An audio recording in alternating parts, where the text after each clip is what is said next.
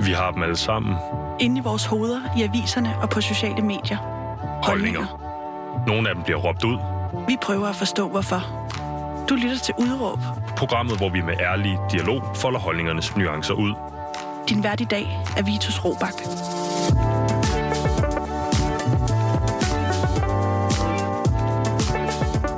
Så får jeg lov igen endnu en gang. Humøret højt på sådan en fredag her, man kan lige komme til at overse en ting eller to. Men det korte og det lange er, at du har tændt for programmet Udråb her på Loud, enten på livefladen eller som podcast. Og programmet skal i dag handle om kvinder. Kvinder i nød, flygtninge og patriarkatets vidtrækkende konsekvenser. For alt det her, det har dagens gæst nemlig en holdning til. Hun er direktør i Defunk Dansk Flygtningehjælp Ungdom. Velkommen til dig, Natasha Al-Hariri. Tusind tak. Øh, det var så lidt, Natasha. Hvad hedder det, øh, Natasha? Øh, du er blandt andet her i dag, fordi du øh, er medskribent på et debatindlæg i politikken, og selvfølgelig i øh, kraft af din direktørstilling i Defunk. Øh, men i det her, øh, den her kronik, eller det her debatindlæg, øh, du udkommer med i politikken sidste uge, øh, der skriver øh, du i sådan her, vi lægger planer for at smadre patriarkatet 2021 edition. Øh, Natasha, hvad vil det sige, og vi er bedre klædt på til at øh, smadre øh, patriarkatet i 2021, end vi har været de forgangne år?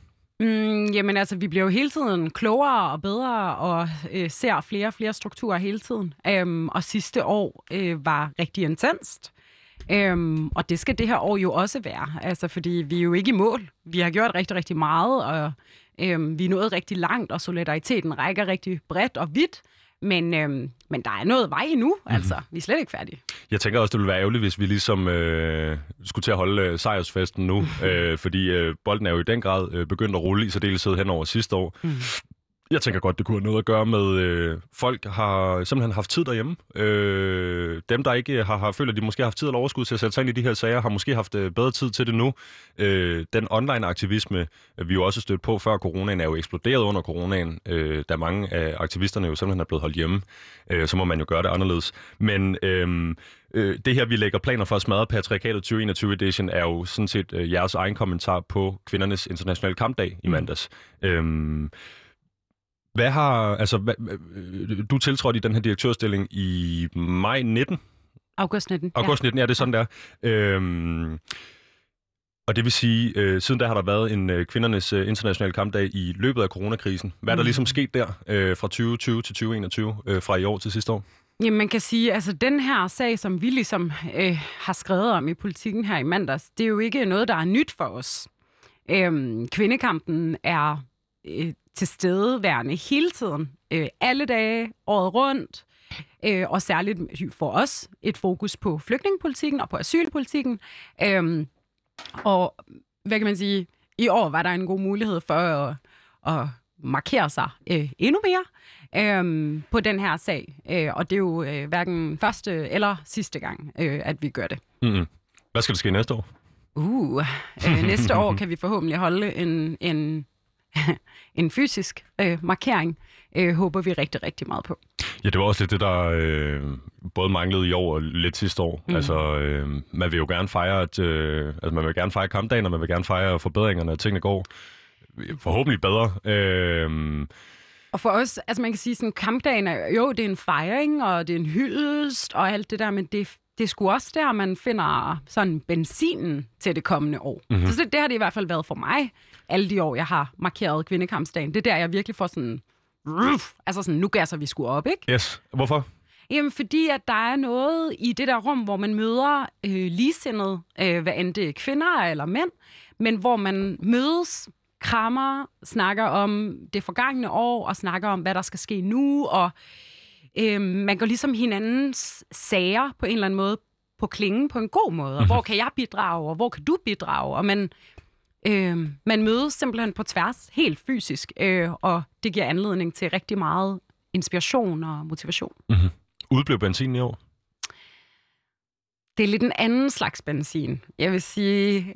Øh, altså benzin... Altså, vi, vores kvindekampdags øh, bil løber aldrig tør for benzin. Godt. Øhm, det er meget vigtigt for mig at slå fast, men det er klart, altså vi savner jo for pokker at mødes. Vi savner at være omkring hinanden, og jeg sad personligt selv og fulgt med på øh, diverse øh, online-platforme, som er arrangeret af, af gode organisationer herunder Kvinfo og Mino Danmark. Øhm, sad der og spiste mine pistachienødder alene i sofaen. Det var sgu sådan lidt tamt. Ikke? Ja. Men, men, men jeg synes jo, at, at alle de organisationer, der lavede noget, kom rigtig godt igennem. Mm-hmm. Øhm, men, men det er ikke helt det samme. Natasha, i dag så skal vi høre om dine holdninger til blandt andet flygtningepolitik, mm. øh, nærmere bestemt asylcenter og udlændingelovgivning. Øhm, men vi skal jo også lige få styr på noget, fordi her i programmet så opererer vi med et udråb, Yes. der gerne skulle indkapsle din holdning i forhold til dagens emne. Og hvad er det, dit udråb er i dag, Natasha? Mit udråb, det er, at flygtningepolitikken er patriarkalsk. Bum. Flygtningepolitikken er patriarkalsk. Så får jeg lyst til at sige, nu blev det tid til flygtningene. øhm, Det er altid tid. Jamen, øh, for guds skyld, lad det altid være tid til flygtninge, og lad det altid være tid til dem, der har det øh, sværere end os andre. Men øh, som øh, mediemenneske, så tænker jeg på, øh, i efteråret, Mm. så fik vi den i mediebranchen. Nu, nu snakker man den her bølge 2. Jeg har fået at vide flere gange, at jeg skal lade være med at kalde det en bølge, fordi det er ikke noget, der er kommet for at bruges over, det er noget, der er kommet for at blive. Øh, jeg prøver, øh, jeg prøver at holde, holde skruen lige i vandet her, men øhm, vi fik med øh, Sofie Lindes opgør med mediebranchen, som satte gang i en masse øh, øh, Mm. gode ting, øh, og en masse samtaler, der var, var rigtig vigtige. Øh, vi så det også i politik, blandt andet den her kampagne En blandt os. Mm. Øhm, vi har set det rulle ud i alle mulige brancher. Øh, vi skal lave et spændende program på tirsdag her i programmet om øh, sexisme i håndværkerfaget osv. Øhm, men, men, men er det min sådan øh, lidt dogmatiske medie, medieagtige måde at tænke om det på, at nu var det kommet tid til, nu der, nu er der blevet tid til, at vi kan snakke om flygtningepolitikken, eller er det et spørgsmål om, at man skal have øh, styr på de store strukturer, før man kan hjælpe de svage, eller hvordan ser du det? Men det er jo i virkeligheden et rigtig godt spørgsmål, og det gør sig jo ikke kun gældende i forhold til øh, øh personer med flugterfaringer. Det gør sig jo gældende i forhold til alle dagsordner, hvor vi kan se, at der er en struktur, som er med til at øh, holde kvinder i en anden position, end den de ønsker. Mhm. Øhm, og man kan sige, min tilgang til feminisme og min tilgang til øh, ligestilling er jo, at vi jo meget gerne skal kunne fokusere på alle øh, dagsordner på samme tid, fordi at vi skal rykke sammen, fælles front, ikke? Øhm, men, og jeg blev også stillet det her spørgsmål tidligere på ugen, det her med, jamen hvad med alt det, så foregår lige nu øh, i den her såkaldte bølge 2, ikke? Mm-hmm. Både i mediebranchen, den politiske verden, alt det her. Kommer det ikke de her kvinder til gode? Og jo, det gør det jo. Altså, alle kampe, vi kæmper på øh, i kvindesagen, i ligestillingsdagsordenen er jo noget, der kommer alle kvinder til gode, mm. og alle mænd jo, og alle familier til gode. Men det her, det er et tema, som har været underprioriteret. Øhm, og, ja, og, og det, der er vigtigt at understrege her, er jo, at de kvinder, der bor på asylcentre, de kvinder, der er kommet til Danmark øh, som flygtninge, er jo kvinder, som øh, er sårbare på rigtig mange måder. Mhm. De har sager, som skal afgøres. Øh, de skal forhøres. De skal øh, leve i uvidshed. Øh, I virkeligheden jo også efter de har opnået opholdstilladelse. Så der er rigtig meget skrøbelighed på spil her. Ikke? Mhm. Øh, der er ikke særlig meget bagland at falde tilbage på. Og øhm, Og bare lige for, bare lige for at afslutte, undskyld. selvfølgelig. Ja. Altså, man kan sige, og det er en af grundene til, tror jeg, at, øhm, at førstehåndsindtrykkene og historierne ikke lader vente på sig, for dem er der jo også nogen af. Øhm, men det kræver ekstremt meget overskud at stille sig frem. Det ved vi. Altså, det ved vi fra de allermest privilegerede øh, kvinder, som stiller sig frem nu, ikke? Og siger sådan, jeg har skammet mig over det her i 20 år. Fordi det kræver noget. Det kræver noget helt særligt. Øh, og det er først, når man mærker, at der er en solidaritet, og når man mærker, at der er øh, et bagland at falde tilbage på. Og det er det bagland, som jeg rigtig gerne vil være med til at, at, at skabe. Mm-hmm. Du siger to, to enormt spændende ting her, Natasha. Øhm, blandt andet, øhm, for vi skal vende tilbage til, hvorfor, øh, hvorfor det går, øh, altså hvorfor der er en, en fejlfordeling, og det går hårdere ud over kvinderne i det her system, det er klart. Mm. Øh, men noget andet, du siger, det er det her med den fælles front, mm. At den, øh, øh, jeres gode sag her skulle gerne smitte af på en, på en anden god kvindesag, eller ligestillingssag, et andet sted.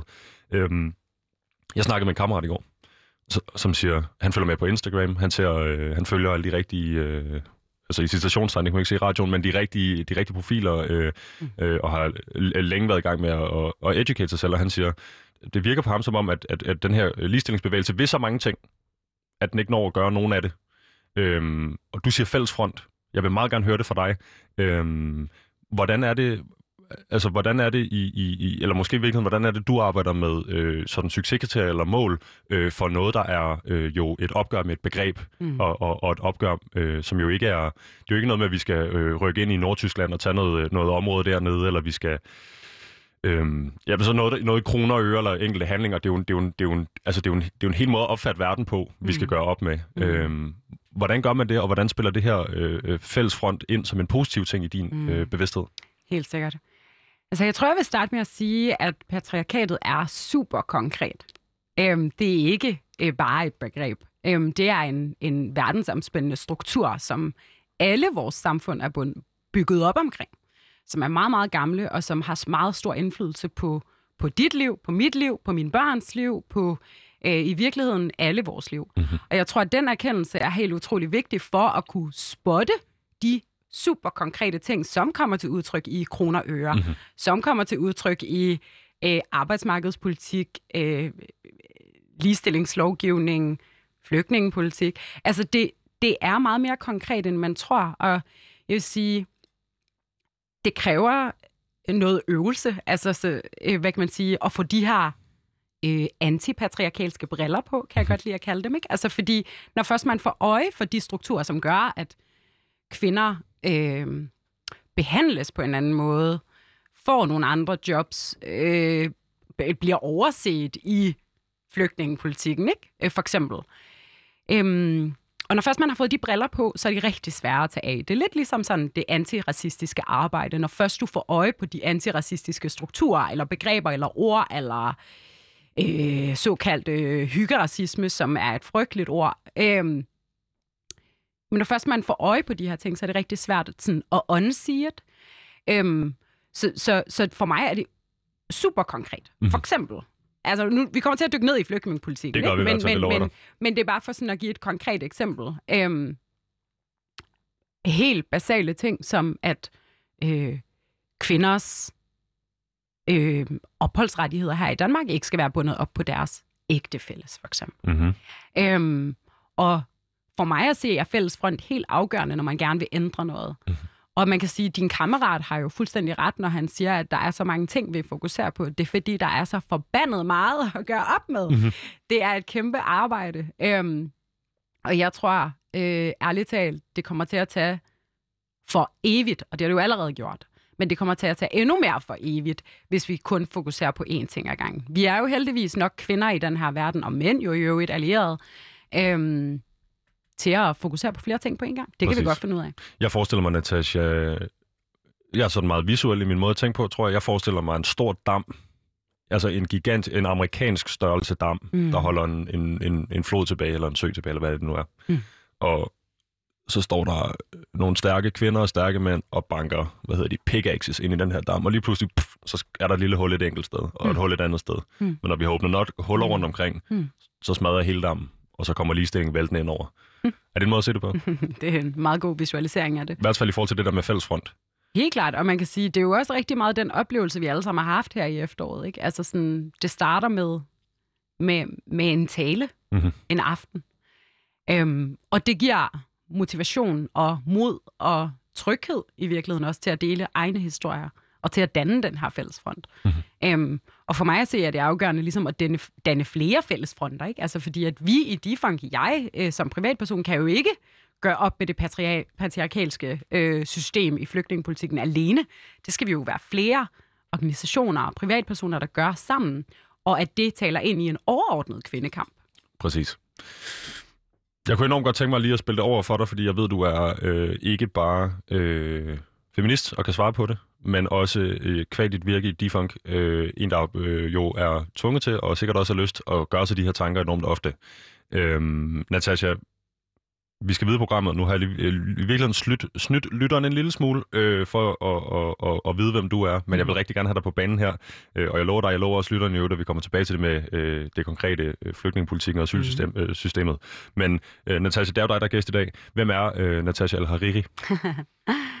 Jamen, øh, jeg er en kvinde. Øh, jeg er 32 år. Jeg er mor til to. En knægt på syv og en, endnu en knægt på to. Skønt. Øh, ja, super skønt. Øh, rigtig dejligt, de begge to kan komme afsted øh, i, i børnehave og skole. Lige netop. Øh, og, øh, og så er jeg direktør i DIFANK, Dansk Flygtningehjælp Ungdom, øh, hvor jeg har været siden ja, august 19. Øh, og jeg har en baggrund som jurist med speciale udlændingeret og menneskerettigheder. Så det her, det er jo et, øh, et hjertebarn for mig, fagligt og professionelt, men jo også rigtig meget personligt. Øhm, jeg kom selv til Danmark som lille bitte baby, øhm, fordi at mine forældre var flygtet fra borgerkrigen i Libanon. Mhm. Øhm, og øh, var en tur forbi Sandholmlejren. Det var en helt anden tid dengang, øh, så der var vi kun i et, et par måneder. Øhm, og så blev vi boligplaceret i Gentofte Kommune, så jeg voksede op i Hellerup. Mhm. Øhm, og flyttede først derfra som voksen. Så man kan sige, det her tema omkring flygtningepolitikken er noget, jeg har haft meget tæt ind på livet. Øhm, altså, til at starte med ufrivilligt, Mhm. jo, i kraft af min families historie, og så derefter frivilligt, fordi at det er for vigtigt. Altså, det er bare for vigtigt. Øhm, og man kan sige, lidt ligesom med minoritetsdebatten og den feministiske debat, så er det ikke noget, jeg gør, fordi det, jeg synes, det er sjovt øh, at sidde her og snakke om patriarkalske strukturer i flygtningepolitikken. Men jeg gør det, fordi jeg synes, det er nødvendigt. Hvor meget, hvor meget fylder din egen historie? Altså hvis du rent faktisk har boet i Sandholmlejren, om det var under de det var under en anden regering og en anden udlændingepolitik på det tidspunkt, Ja. øh, kan jeg regne ud, hvis du siger, du er 32. Ja. Nu sagde du det selv. Ja.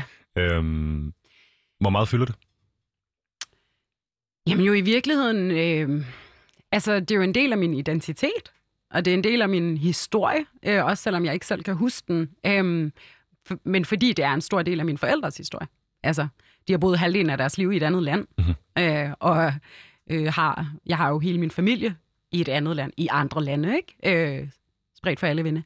Øhm, så, så det er en meget vedkommende del af min historie og min identitet, og også noget, jeg elsker at fortælle mine børn om. Øhm, fordi det, det betyder rigtig meget øh, for... Det har betydet rigtig meget for min barndom og for min ungdom. Øhm, hvordan, hvad det er for en familie, jeg er vokset op i, og hvad det er for en fortælling. Hvad er det for en fortælling, dine børn får? Hvordan fortæller man den her... Øhm, du virker jo ikke, øhm, Natasha, speciel... Øh, det virker ikke som om, du er specielt negativt påvirket af den her... Altså, øh, af din, af din øh, tidligere situation som øh, flygtningebarn. Mm. Hvordan, hvad, er det for en, hvad er det for en fortælling, man fortæller? Mm. Hvad sagde du, en to- og en syvårig? Ja. Hvordan får man formidlet det? Men altså, den yngste forstår jo ikke særlig meget, vel? Øhm, eller jo, han forstår masser, bare ikke. Øh, Jeg er med. Jeg er ikke begyndt endnu, Nå. ligesom på at forklare ham øh, flygtningepolitikken i Danmark. Øhm, men den store har, har været i Libanon, altså, og har mødt min familie, og øhm, vi snakker sammen om, hvad mit arbejde består i. Øhm, og vi snakker om flygtningepolitik, øh, og han ved, at der er en krig i Syrien og i Yemen og i Afghanistan og i Irak, og, fordi det er en vigtig del af mit arbejde, øh, og fordi det er øh, hmm, værdimæssigt har jeg rigtig meget imod øhm, den måde, Danmark fører den slags politik på. Øhm, Så han er en woke lille homie, ham der. han er en woke lille homie. Øhm, og man kan sige, han ved, at øh, mine forældre flygtede, fordi der var krig. Mhm. Øhm, og, og, det, og det har vi snakket om, fordi at der blandt andet jo kommer flygtning til Danmark. Øhm, og fordi det er noget, der fylder rigtig meget i mit arbejdsliv og hverdagsliv. Sidste spørgsmål, Natasha, på din, øh, på din private person i forhold til det her, for jeg synes, det er enormt interessant. Øhm, fylder det noget i, i, i din opfattelse af det her, at du er fra en generation af øh, flygtninge, hvor systemet var anderledes? Mm. Og i, du har ikke fortalt mig det her, men, så du må sige til, hvis jeg tager fejl i mine antagelser, men lander rimelig blødt i Danmark. Øhm, ny kultur, nyt liv, krig, krigsflygtninge, det er ikke for sjov Mm. man lander trods alt i et land, hvor man ikke skal øh, starte med at bo fire år på et øh, opholdssted eller en Mm. øh, asylcenter. Mm. Er, der, er der noget med, jeg, jeg, fik, altså jeg er kommet ind på et system, som det burde være. Det burde, være, det burde også være muligt for andre. Der burde være, øh, folk burde have lige, lige så gode rettigheder, som mine forældre havde, da, da, da vi kom til Danmark. Mm. Eller endnu bedre måske endda. Altså, nu siger du godt nok, at det var sidste spørgsmål, men det er jo måske det største spørgsmål, du har stillet indtil videre, fordi øhm, flygtningepolitikken dengang var ved Gud en helt, helt, helt anden, og vi som familie blev modtaget på en helt, helt, helt anden måde. Men der var også rigtig meget i flygtningepolitikken dengang, som eller i integrationspolitikken og udlændingepolitikken, som jo også har gjort, at der er en generation af forældre, altså min, min forældres generation, som jo ikke har fået det ud af deres liv, som de ønskede i virkeligheden. Ikke? Fordi man dunkede dem oven i hovedet med, at de skulle integreres eller assimileres? Mm, eller? Nej, men i virkeligheden, fordi man ikke gjorde det. Okay. Altså, og jeg kunne bare godt ønske mig, og det her det snakke, lange snakke, jeg har haft med mine forældre, hvor de jo selv har sagt, men jeg ville da ønske, man havde stillet andre krav til os på en eller anden måde. Øhm, mine forældre kom til Danmark og var jo, øh, hvad var de, sådan noget 28 og 31. Så nogenlunde den alder, jeg selv er nu. Mm-hmm. Og øhm, havde to børn, havde levet i krig de sidste 15-20 år af deres liv. Øh, de havde brug for et break 100%, og de havde brug for at komme sig. Øhm, og de gik begge to i, til dansk undervisning og i skole og, og arbejdet og den slags. Øhm, men de blev ikke fastholdt på arbejdsmarkedet. Øhm, min, min mor har været syg hele sit liv og er det stadig, så hun har været uarbejdsdygtig. Øhm, men jeg tror virkelig, at de sådan... Øhm, man kan sige, boligpolitikken betyder også helt vildt meget. Og jeg tror, at vi har været velsignet og landet midt i Hellerup, hvor der ikke var særlig mange andre som os. Og det har både været en velsignelse og en forbandelse i Mhm. virkeligheden. Mest en velsignelse, men det har, det har gjort mine forældre utrolig ensomme også i deres voksne liv også. Ikke? Jo. Øhm, og jeg tror, ja, vi er landet blødt, men der er sgu aldrig nogensinde... Altså, alt er relativt, ikke? Mm. Øh, og hvad, hvad betyder det at lande blødt? Altså, de også- har jo været taknemmelige for, for, for sikkerheden og for det kæmpe apparat, der tager imod en, når man kommer til Danmark som flygtning, særligt dengang. Øhm, men men det, er det, det er aldrig lige til. Mm-hmm. Særligt ikke for de børn, som vokser op og er totalt splittet over den identitet, ikke? Altså, Jeg ved heller ikke, hvor meget øh, Lib- Libanon, ikke? mm. Hvor meget libanesisk kultur der er i Gentofte i virkeligheden. Altså, hvor er det, man, hvor er det, man spejler sig, ikke? Jamen, det gør man ikke rigtigt. Natasha, du siger noget interessant. Du siger, det var anderledes på det tidspunkt, men der var også nogle andre mekanikker. Mm. Øh, det var måske, hvis man kan, hvis man kan opfatte øh, øh, flygtningepolitik i, i to Mm. etapper. Der er, hvad der sker til og med, du får din opholdstilladelse eller et statsborgerskab, og så er der, hvad der sker på den anden side af det. Øh, Mm. Altså, hvor, hvor, hvor godt landet er til at, for nu siger du selv, fastholde øh, folk i jobs, eller øh, komme med muligheder og tilbud, for at, for at folk kan få lov at integrere sig, hvis det er det, de vil. Mm. Øhm, det er anderledes i dag. Det er både svært at komme ind. Jeg tror også, det er svært at få fodfæste. Øhm, jeg kom bare til at tænke på, at der er noget tidspunkt i verdenshistorien nogensinde, hvor nogen har haft et velfungerende asylsystem, hvor det ikke har været med, altså lig- ligesom vi for eksempel gjorde i høj grad med øh, tyrkerne, øh, tog dem til landet, fordi vi mangler arbejdskraft. Mm. Det føler jeg ikke er et åbenlyst godt system. Øh, det føler jeg, fordi vi har manglet noget, og har kigget ud i verden og set, hvor, hvor kunne vi få noget, noget god arbejdskraft. Mm. Er der, er der, kan man pege på et asylsystem i historien? Altså, jeg tænker, vi, vi kunne godt argumentere for tilbage i Genghis Khan-tider, hvor man fik lov at beholde sin religion, selvom man blev en del af, et, af, en, af en større nation, og det er søgt det her. Men har der nogensinde været et asylsystem, der fungerede ordentligt? Med respekt for mennesker? Mm. Ikke mig bekendt. Altså, ikke mig bekendt. Og jeg tror i virkeligheden, noget af det her handler jo også om, at verden forandrer sig. Verden forandrer sig hele tiden, og øhm, lige nu er der 80 millioner mennesker på flugt. Øhm, en brøkdel af dem befinder sig øh, uden for nærområderne. Noget af det, jeg synes mangler i flygtningedebatten i Danmark, øh, men jo også øh, rigtig mange andre steder, er perspektiv. Um, og, og, og det er jo i virkeligheden det, der gør, at det bliver en frustrerende debat på en eller anden måde. Ikke? Altså sidste år fik, øh, hvad, jeg tror det var sådan noget 800 mennesker asyl. Um, og det er jo, altså, fordel, fordel dem på 98 kommuner. Så, så, så jeg synes, der mangler perspektiv. Øh, og man kan sige, hele ideen omkring integration er jo, øh, er jo væk øh, i, i, i, i, i dagens, hvad kan man sige, i udlændinge øh, debatten i dag, ikke? Øh, og i politikken, den førte politik. Så det, det, der er jo ikke noget, der hedder en integrationspolitik rigtigt længere. Altså, vi har en udlænding og en integrationsminister, men øh, hvis man skal følge det, der, altså, der er en hjemrejsestyrelse. Der er ikke en integrationsydelse længere. Den hedder hjemrejse- og selvforsørgelsesydelse. Så i virkeligheden skulle Mathias Tesfaye jo ikke hedde en udlændinge- og integrationsminister. Han skulle være en udlændinge- og hjemrejse- og selvforsørgelsesminister, hvis man ligesom skulle følge deres logik. Mm-hmm. Men det er jo en logik, jeg er fuldstændig uenig i, fordi det er jo direkte, det modarbejder jo hele ideen omkring meningsfuld tilværelse, Mm. når man kommer til Danmark. Så lad os tage den fra toppen, Natasha. Ja. Hvorfor asylsystemet og flygtningepolitikken patriarkalsk? Hvorfor er det det ord, vi ender med at bruge? Patriarkalsk altså. Nå, men det er det, fordi at når man kigger på et asylsystem som det, vi har i Danmark, øhm, så er det jo sådan overall et system, som ikke fungerer. Øh, for mænd og for kvinder. Øhm, det er et... Altså i virkeligheden, så er nogle af de ting, som regeringen siger, at det er et uretfærdigt asylsystem, det er jeg sådan set enig i. Øh, det er et uretfærdigt asylsystem. Men når vi kigger på, hvordan det kommer til udtryk, mænd kontra kvinder, der søger øh, asyl øh, og kommer til Danmark som flygtninge, jamen øh, i praksis, så er det, hvad kan man sige, mm, dårligere. Man bliver stillet dårligere, når man er kvinde i et asylsystem. Hvordan? Øhm, det er helt ned til sådan nogle ting som, øhm, hvis der kommer en familie til Danmark og søger asyl, og de er på et asylcenter, hvor man jo typisk kan opholde sig, mm, i hvert fald mere end et par måneder, længe, øhm, så er der jo noget sprogundervisning for ligesom at gøre dem klar til, øh, hvis de skulle få ophold, at ligesom at gøre dem klar til, at der allerede er noget dansk undervisning, øhm, som har været ført, øh, og at de på den måde er mere klar til at træde ind øh, direkte i integrationsprogrammet. Øh, undskyld, hjemrejse- og selvforsørgelsesprogrammet. Og vil du lige, kan vi lige hurtigt sætte en, Ja. en, en lille pind i Ja. øh, hjemrejse og selvforsørgelses... Øh, hvordan, hvordan træder man ind i det? Lad os sige, man har fået noget dansk undervisning på et indrejsecenter. Mm. Træder man ind i det ved at møde op nede på øh, borgerservice? Eller er det, er det, er det, skal jeg forstå det mere som en proces, man skal igennem? Nu skal man altså integreres. Men Det er en proces, man skal igennem. Altså, det er jo et program, øh, som, som alle kommuner, der tager imod flygtninge, øh, har. Øh, og det er jo særligt med fokus på beskæftigelse.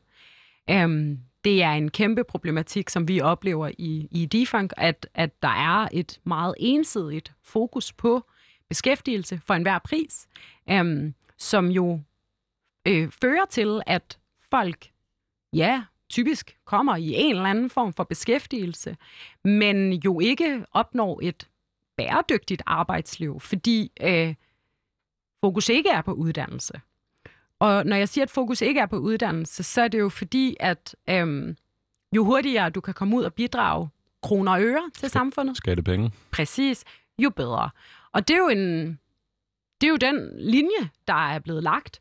Men vi kan jo også se, at øh, når eksempelvis en krise som en verdensomspændende pandemi rammer, jamen så er det mennesker, der er flygtet til Danmark i de her jobs, ufaglærte jobs, som bliver fyret først. Mhm. Vi kan også se, at da regeringen indførte paradigmeskiftet, midlertidighed, øhm, jamen så så vi en, en, en udvikling, som var meget, meget negativ, og som førte til, at færre og færre virksomheder og arbejdsgivere turde ansætte folk med midlertidigt ophold i Danmark.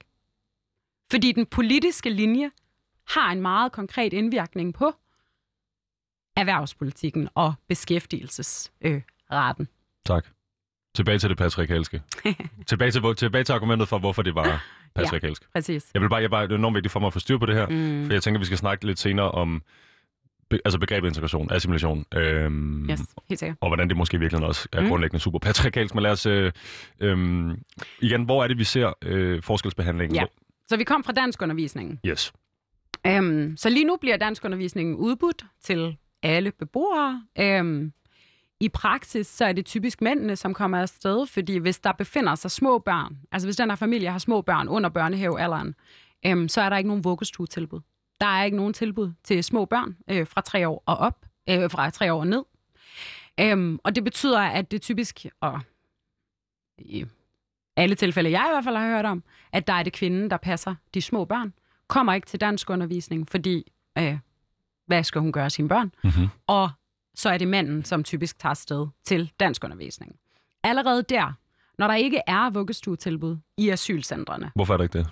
Det er et rigtig godt spørgsmål. Det synes jeg, du skal spørge udlændinge- og integrationsministeren om. Han tager ikke sin telefon, når jeg ringer til ham. Aldrig. Aldrig igennem 10 opkald i løbet af det her år, som øh, journalist på Radio Loud tager sin telefon. Men jeg vil prøve at se, om jeg kan komme i kontakt med ham. Jeg vil virkelig, jeg, vi har en masse spørgsmål til ham på den her redaktion, vi gerne vil stille ham efterhånden. Er det rigtigt?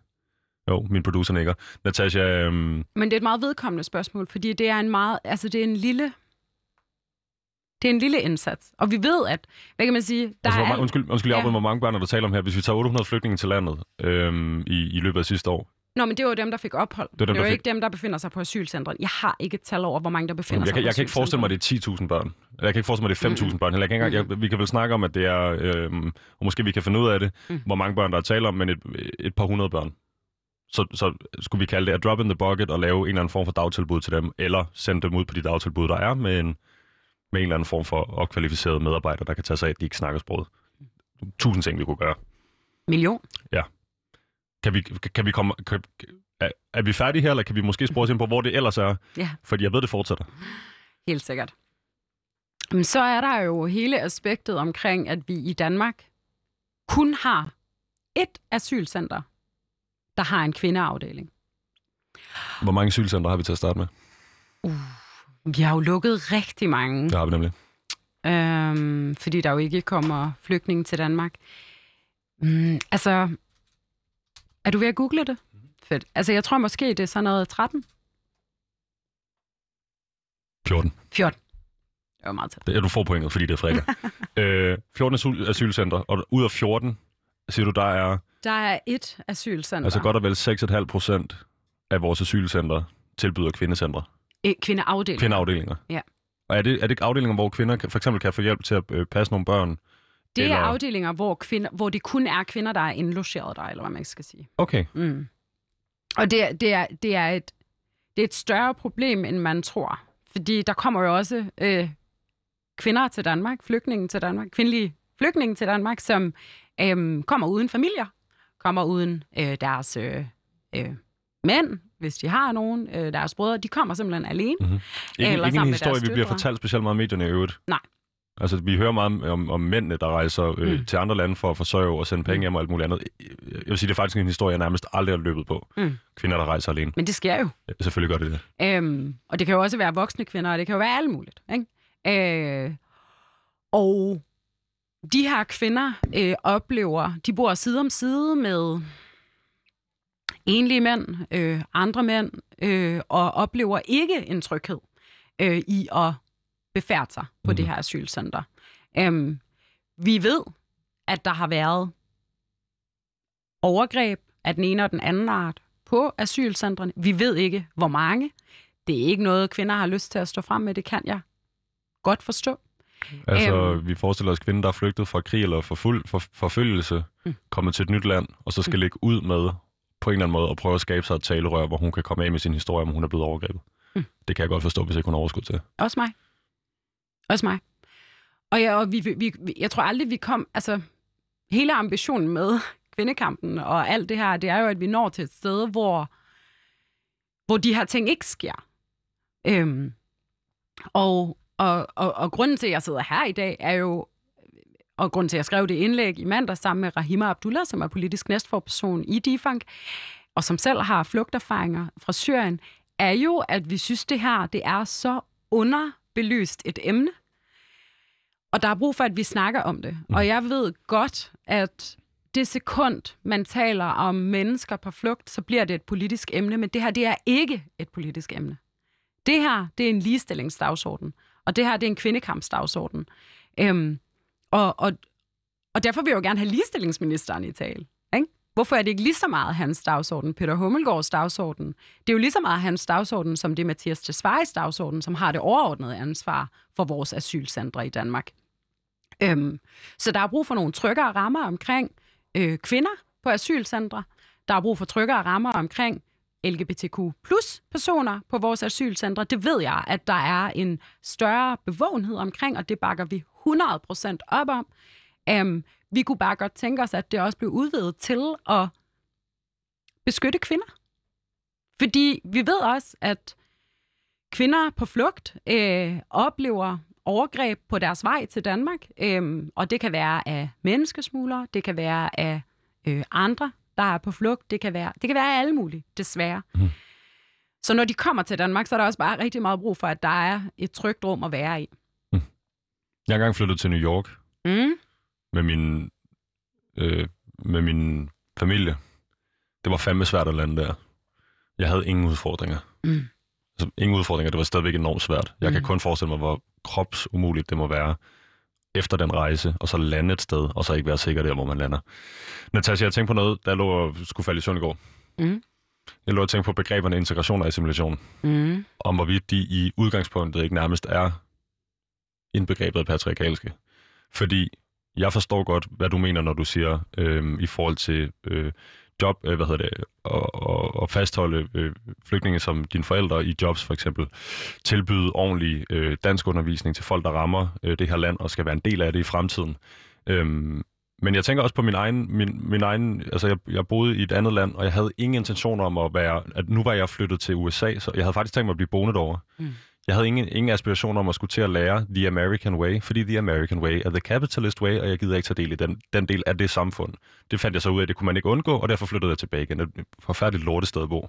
Men, men Natasha, der var ikke nogen, der bad mig om, at jeg skulle integrere mig eller assimilere mig. Mm. Og folk var interesseret i at høre om min, min der, hvor jeg kom fra. Åh, oh, du er fra Europa. Ja, åh, oh, du er fra Danmark. Er I kommunister? Sådan nogle ting. Øhm, hvorfor er det, at vi pålægger... Hvorfor er det, at jeg ikke må få noget mere libanesisk kultur ind i min, i, i, i, i, min, i min opfattelse af, hvad Danmark er? Hvorfor, hvor, altså igen, for, der er forskel på integration og assimilering. Men, men hvorfor skal vi nogensinde sigte efter assimilering? Er det ikke kun for folk, der vil assimileres? Jamen altså...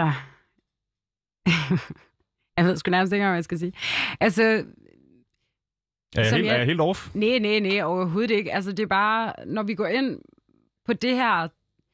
Jeg bliver frustreret, fordi de mange tusind unge mennesker, som vi hvert år og hver dag og hver måned engagerer i vores fællesskab, de er ikke nødvendigvis en del af vores fællesskab for at blive integreret eller for at blive assimileret. De fandt fandme en del af vores fællesskab for at blive en del af noget.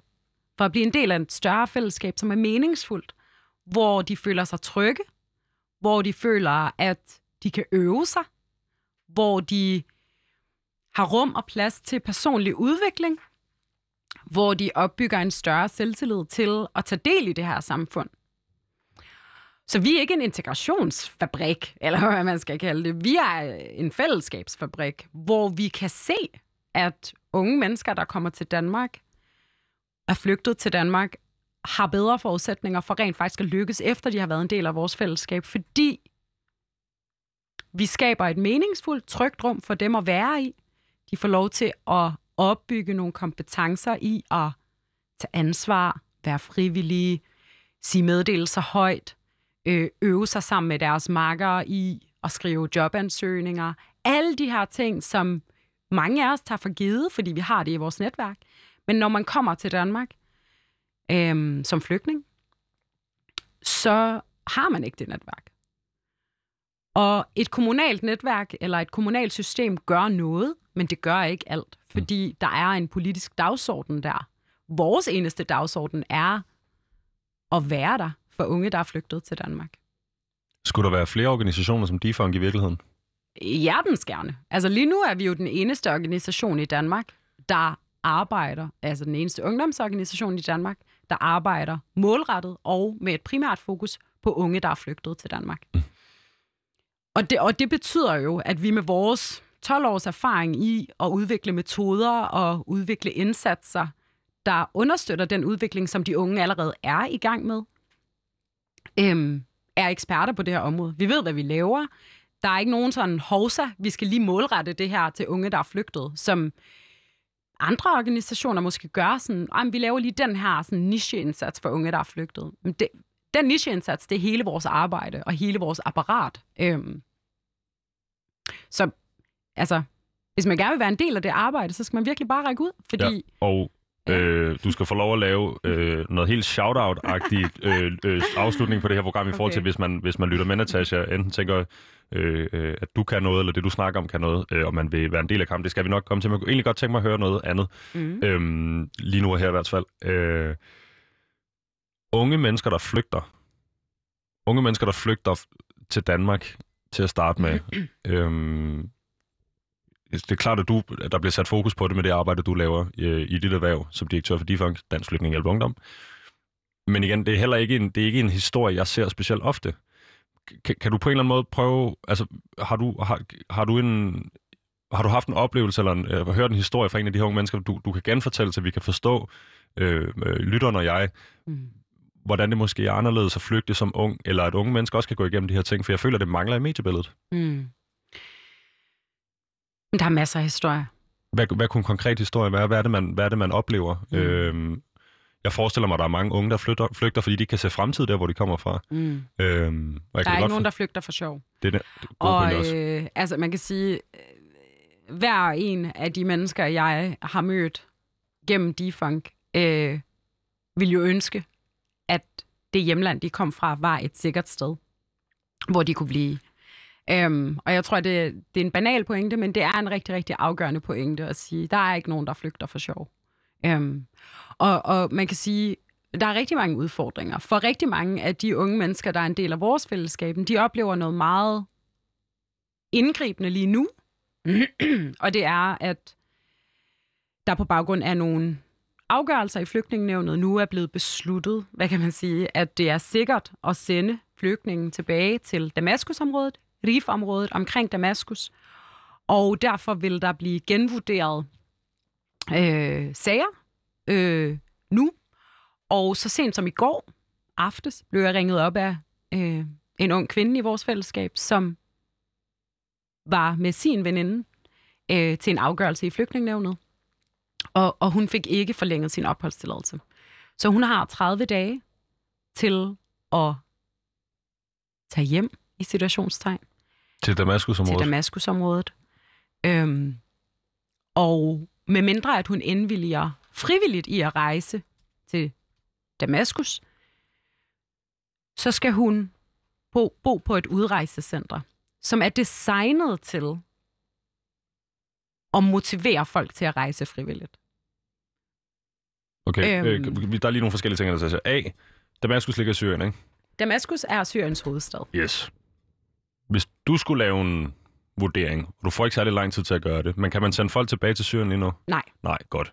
Næste. Danmark er det eneste land i verden, der vurderer, at øh, Syrien er et sikkert land at det er sende så åndssvagt, det flygtninge her. Det tilbage er til. så åndssvagt. Undskyld, Natasha. Det var den ene ting. Den næste ting er så, at hun, bliver, hun, får, hun får afvisning på at blive landet. Så nu skal hun på et udrejsecenter. Yes. Og hvad er det, du siger? Og blive i landet. Hvad, hvad er det? Motiveret hjemrejse, eller hvad man skal sige. Altså, øhm, hvad er det, der foregår? Sender vi folk, sender vi folk i centre, hvor vi siger... Altså, hvor vi øh, mobber dem til at tage hjem? Eller hvad, altså, forstår du, hvad jeg mener? Hvor- Hvordan motiverer man nogen til at tage hjem til noget, der i altså, øh, alle andre end dan, dansk politikers øjne er en krigszone? Jamen, øhm, de her udrejsecentre er jo, hvad kan man sige, det er så skrabede forhold på alle mulige måder, uanset hvordan man vender og drejer det, øhm, som er designet til, at folk ikke kan holde ud at bo der. Det nedbryder mennesker at bo på udrejsecentre. Og en pointe, som jeg i virkeligheden har stillet... Altså, jeg har simpelthen et spørgsmål, og hvis du får fat på Mathias Tesfaye, så håber jeg, at du vil stille ham det her spørgsmål også, fordi jeg mangler simpelthen svar på, har Danmark ambitioner om at indgå udleveringsaftaler med Assad, præsidenten i Syrien? Eller, altså hvad kan man Er der noget, der tyder på det? Fordi det lyder godt nok spooky. Jamen, øh, jeg kunne bare godt tænke mig en afklaring på det, fordi jeg kan ikke få svar på det. Altså, øhm, indtil vi har, vi har ikke nogen udleveringsaftale med Syrien. Det var jo det, vi fik med Afghanistan i sin tid. Og så begyndte vi at kunne udsende afghanere, deportere øh, unge mennesker, andre mennesker i Danmark, deportere dem til Afghanistan. Hvor det var enormt svært deres at, vilje. Ja, og det var svært at holde øje med, hvad der skete, når de kom derned igen, må vi sige. Det må man sige. Vi har jo fået tilbagemeldinger om mennesker, som har mistet deres liv, fordi de vendte tilbage. På vores, Øhm. på vores befaling. Og medmindre man har en udleveringsaftale, så kan man ikke deportere mennesker. Så, så, så mennesker fra Syrien kan kun komme til Syrien, hvis de selv frivilligt indvilger i at tage til Syrien. Hvis ikke de frivilligt indvilger i det, og vi ikke har en udleveringsaftale med Syrien, så skal de bo på et udrejsecenter i, I don't know, 2, 3, 5, 10 år. Øhm, og jeg, jeg kunne bare, det er bare, Ja, vi har jo, altså, vi har jo endnu ikke en udleveringsaftale, og det er jo en, det er jo en fucked up sætning at sige, ikke? Altså, Jo. fordi er det, er det ambitionen? Jeg kunne bare godt tænke mig en afklaring på det. Det ved Ja. jeg, der er rigtig mange mennesker, der godt kunne tænke sig en afklaring på. Jeg skal prøve at se, om jeg kan få fat på ham. Jeg har, været, jeg har, jeg har noteret dit spørgsmål, Natasha. Øhm, hold da op for en omgang. Jeg tænker, øhm, jeg tænker meget, og det kan godt være, at det er, øh, det tror jeg er menneskeligt, men jeg tænker meget med udgangspunkt i mine egne oplevelser, at, at hvis man øh, lyst flytter, eller hvad man allerbedst kan beskrive det faktum, at jeg tog til USA, ikke noget pres, ikke noget, noget som helst, kun af lyst, kun af, af mulighed, og alligevel synes, det er svært at integrere sig i et samfund, hvor man er ligestillet og taler sproget i øvrigt, og har et job.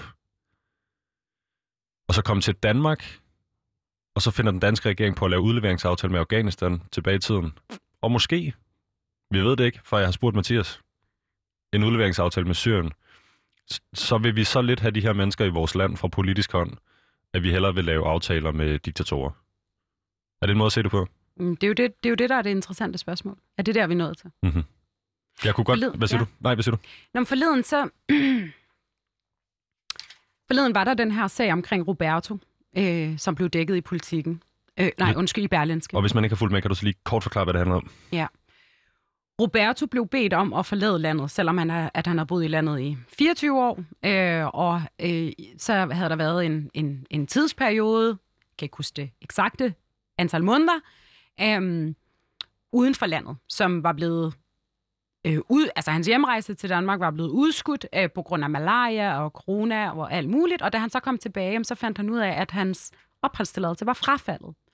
Og så fik han 30 dage til ligesom igen at forlade Danmark. Øhm, og hvad fanden var min pointe?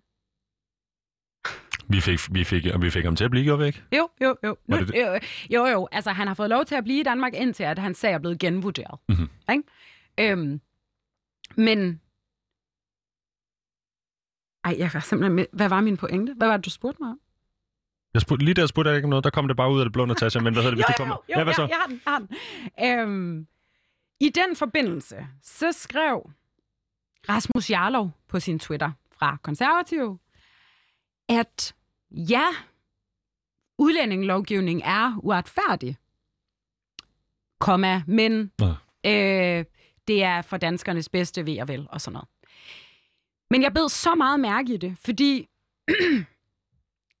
det er ikke ofte, at man hører nogen politikere sige, nogen politikere, der står inden for den udlændingelovgivning, som vi har nu, som siger, at den er uretfærdig. Og det synes jeg faktisk var rigtig interessant, fordi vi får jo tudet ørerne fulde af, at vi skal have en udlændingelovgivning, en udlændingepolitik, som er færre, men stram. En færre, ret, færre og stram udlændingepolitik. Mhm. Men den er jo ikke færre.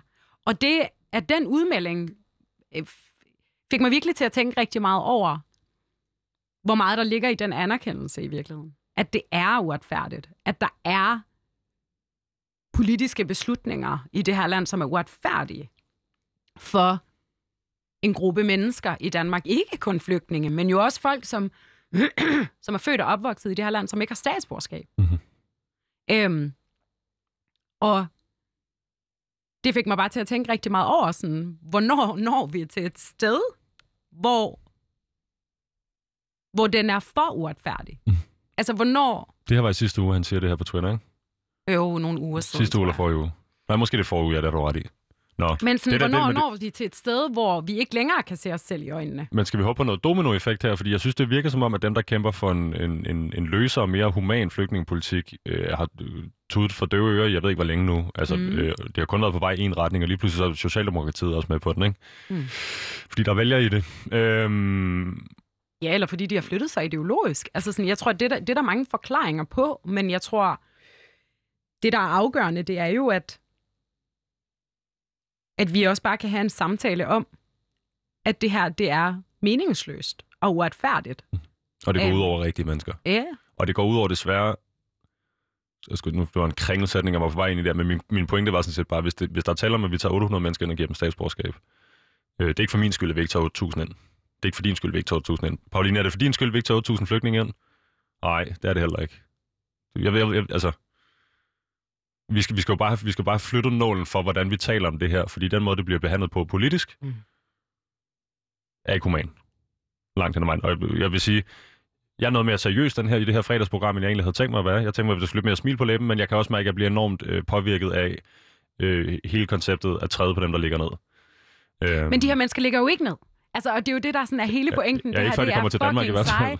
Nå, men det her, det er vidunderlige, dygtige, ambitiøse, fremragende, motiverede unge mennesker, som ikke kan få lov til at leve et værdigt ungdomsliv, som, som jo danner grundstenen til et bæredygtigt liv i det hele taget. Altså, de her unge mennesker skal tage en beslutning, en meget aktiv beslutning om, om de skal ud og tage et job, eller om de skal tage sig en uddannelse, fordi uddannelse ikke tæller med i point, når de gerne vil søge om permanent opholdstilladelse. Mm. Så rigtig mange unge mennesker, der er flygtet til Danmark, har fuldtidsjobs ved siden af deres fuldtidsstudie. Undskyld mig, men hvad er det? Det er jo ikke det. det er jo ikke den. Det er jo ikke det, det studieliv, vi ønsker for unge mennesker. Det underminerer jo hele den idé om studerende i Danmark. Mhm. Så hvorfor, så hvorfor skal unge mennesker, der er flygtet, tage de her beslutninger? Hvorfor må uddannelse ikke tælle med som erfaring, når man skal søge om permanent ophold? Det er et åbent spørgsmål, og jeg forstår ikke, hvorfor. Og det gør de her unge mennesker ikke. Heller ikke. Natasha, vi har fire minutter tilbage i programmet. Allerede. Der er Eller to ting. Ja, der, der er to ting, jeg gerne vil nå. Mm. Det ene ben, det hedder, øhm, hvor kan man følge med? Hvis man sidder derude og har lyttet på dig. Jeg, jeg må sige, jeg, er blevet enormt på, jeg bliver enormt påvirket af det. Øhm, men som jeg sagde i starten af programmet, så tror jeg også, at vi bruger så meget tid på, i det her program, på den her redaktion, at afdække øh, folks holdninger. Sjovt nok, det er det, programmet er til for. Øhm, men i ny og næ, så kommer der sådan en som dig ind ad døren, som siger, prøv, prøv, lige, at- prøv lige at åbne øjnene en gang. Og hvis man, hvis man rent faktisk lige tænker, og hvis man endda drister sig øh, øh, til at føle efter, så er det ikke sjovt. Det er overhovedet ikke sjovt. Og det er... øh, Jeg vil hellere over i en, i en kategori, hvor vi kalder det pinlig opførsel på, vor, på vegne af vores land. Øh, Jeg, altså, øh, det er pinligt at gå ud af verden og sige, at man er dansker, hvis man behandler... Jeg ved godt, at jeg ikke skal sige folk, der allerede ligger ned, fordi det også spiller ind i en... Og jeg kunne høre, du gik til, til modstykke på mig der, men folk, der er udfordret. Folk, Mm. der har det svært hos andre. Mm. Men alligevel er skide seje. Mm. Og prøver at gøre noget for at tage kontrol over deres liv. Natasha, hvor kan man følge med, hvis man sidder derude og lytter med og tænker, "Pff, er der en Mm. Instagram? Er der, kan man blive medlem af Defunk? Det kan man. Vi har det hele. Man kan følge med på Instagram, Mhm. mm-hmm. defunk.dk. Man kan følge med på Twitter, defunk.dk. Man kan følge med på vores Facebook-side. Vigtigst af alt, så kan man blive medlem af vores organisation. Alle medlemskaber gør en kæmpe forskel. Det er Øh, billigt, så vidt jeg husker også. Det koster 100 kroner om året. Det er virkelig det er billigt. ingenting. Det er virkelig, virkelig, virkelig billigt. 8,5 kroner om måneden. Præcis. Og det gør en kæmpe forskel for os og for vores organisation i forhold til ligesom at kunne samle flere omkring den her dagsorden. Man kan melde sig som frivillig. Man kan også være øh, fast donor. Give et par hundrede kroner om måneden, hvis man gerne vil støtte den her sag, øh, for at skabe bedre, mere værdige ungdomsliv for unge, der er flygtet til Danmark. Det var det første ben, Natasha. Det andet ben er med altså halvandet minut igen. Mm. Hvad er det, der står øverst på din liste i forhold til øh, politisk handling eller politisk indflydelse påvirkning? Hvad er det, hvad er det du skal, når du går herfra, Mm. Øh, ud og implementere, ud og, ud og skubbe på? Mange ting. De Hvad- første to ting. Ja, med et minut igen. Det, det første, det er, at vi skal stoppe genvurderingen af øh, syrers opholdstilladelser i Danmark. Øhm, det bidrager til enorm usikkerhed, øhm, og det er, der er krig i Syrien. Det andet, det er, vi skal give adgang til, at uddannelse tæller med, når unge vil søge om permanent opholdstilladelse. To, to gode steder at starte. Mm. Men øh, forestiller jeg mig også to, Store. to store skridt på vejen mm. I den rigtige retning. Mm. Men ikke de to eneste skridt. Absolut ikke. Men helt sikkert godt sted at starte. Jeg vil sige til lytteren derude, hvis man sidder derude og tænker, hvis jeg var fra Syrien, vil jeg gerne hjem, så prøv at booke en ferie til Damaskus lige nu, hvis du har viljen til det. Jeg skal fandme ikke til Damaskus lige nu. Og det vil jeg virkelig heller ikke håbe, at den danske stat sender folk dernede af, eller kunne finde på at lave en, en aftale. Nå, Natasha, det er fredag, solen skinner, gør den ikke? Jo, det Jo, den gør så. Øh, hvordan får vi lige øh, på 20 sekunder her? Altså, nej, ved du? Jeg vil, jeg vil holde fast i øh, øh, opturen omkring, at øh, du er på vej ud og gøre noget godt for det her. Mm. Og vi forhåbentlig har fået nogle, øh, nogle følgere, eller nogen, der kunne, uh, kunne bakke op om det her. Nogen, der måske har øh, lært noget, det ikke vidste i formen, eller fået åbnet øjnene for den her problematik. Mm. Natasha Al-Hariri, Al-Hariri, undskyld mig. Uh, Tusind tak, fordi du kom med det. det er mig, der takker. Og have en, øh, en, en, en, en rigtig god weekend. Jeg vil sige til lytteren, der sidder derude, du lytter til programmet Udråb her på Loud. Mit navn er Visus Robak. Jeg var vært i dag. Min producer hedder Pauline Kloster. Og vi vender tilbage på mandag mellem 12.05 og 13. Ha' en rigtig, rigtig god weekend.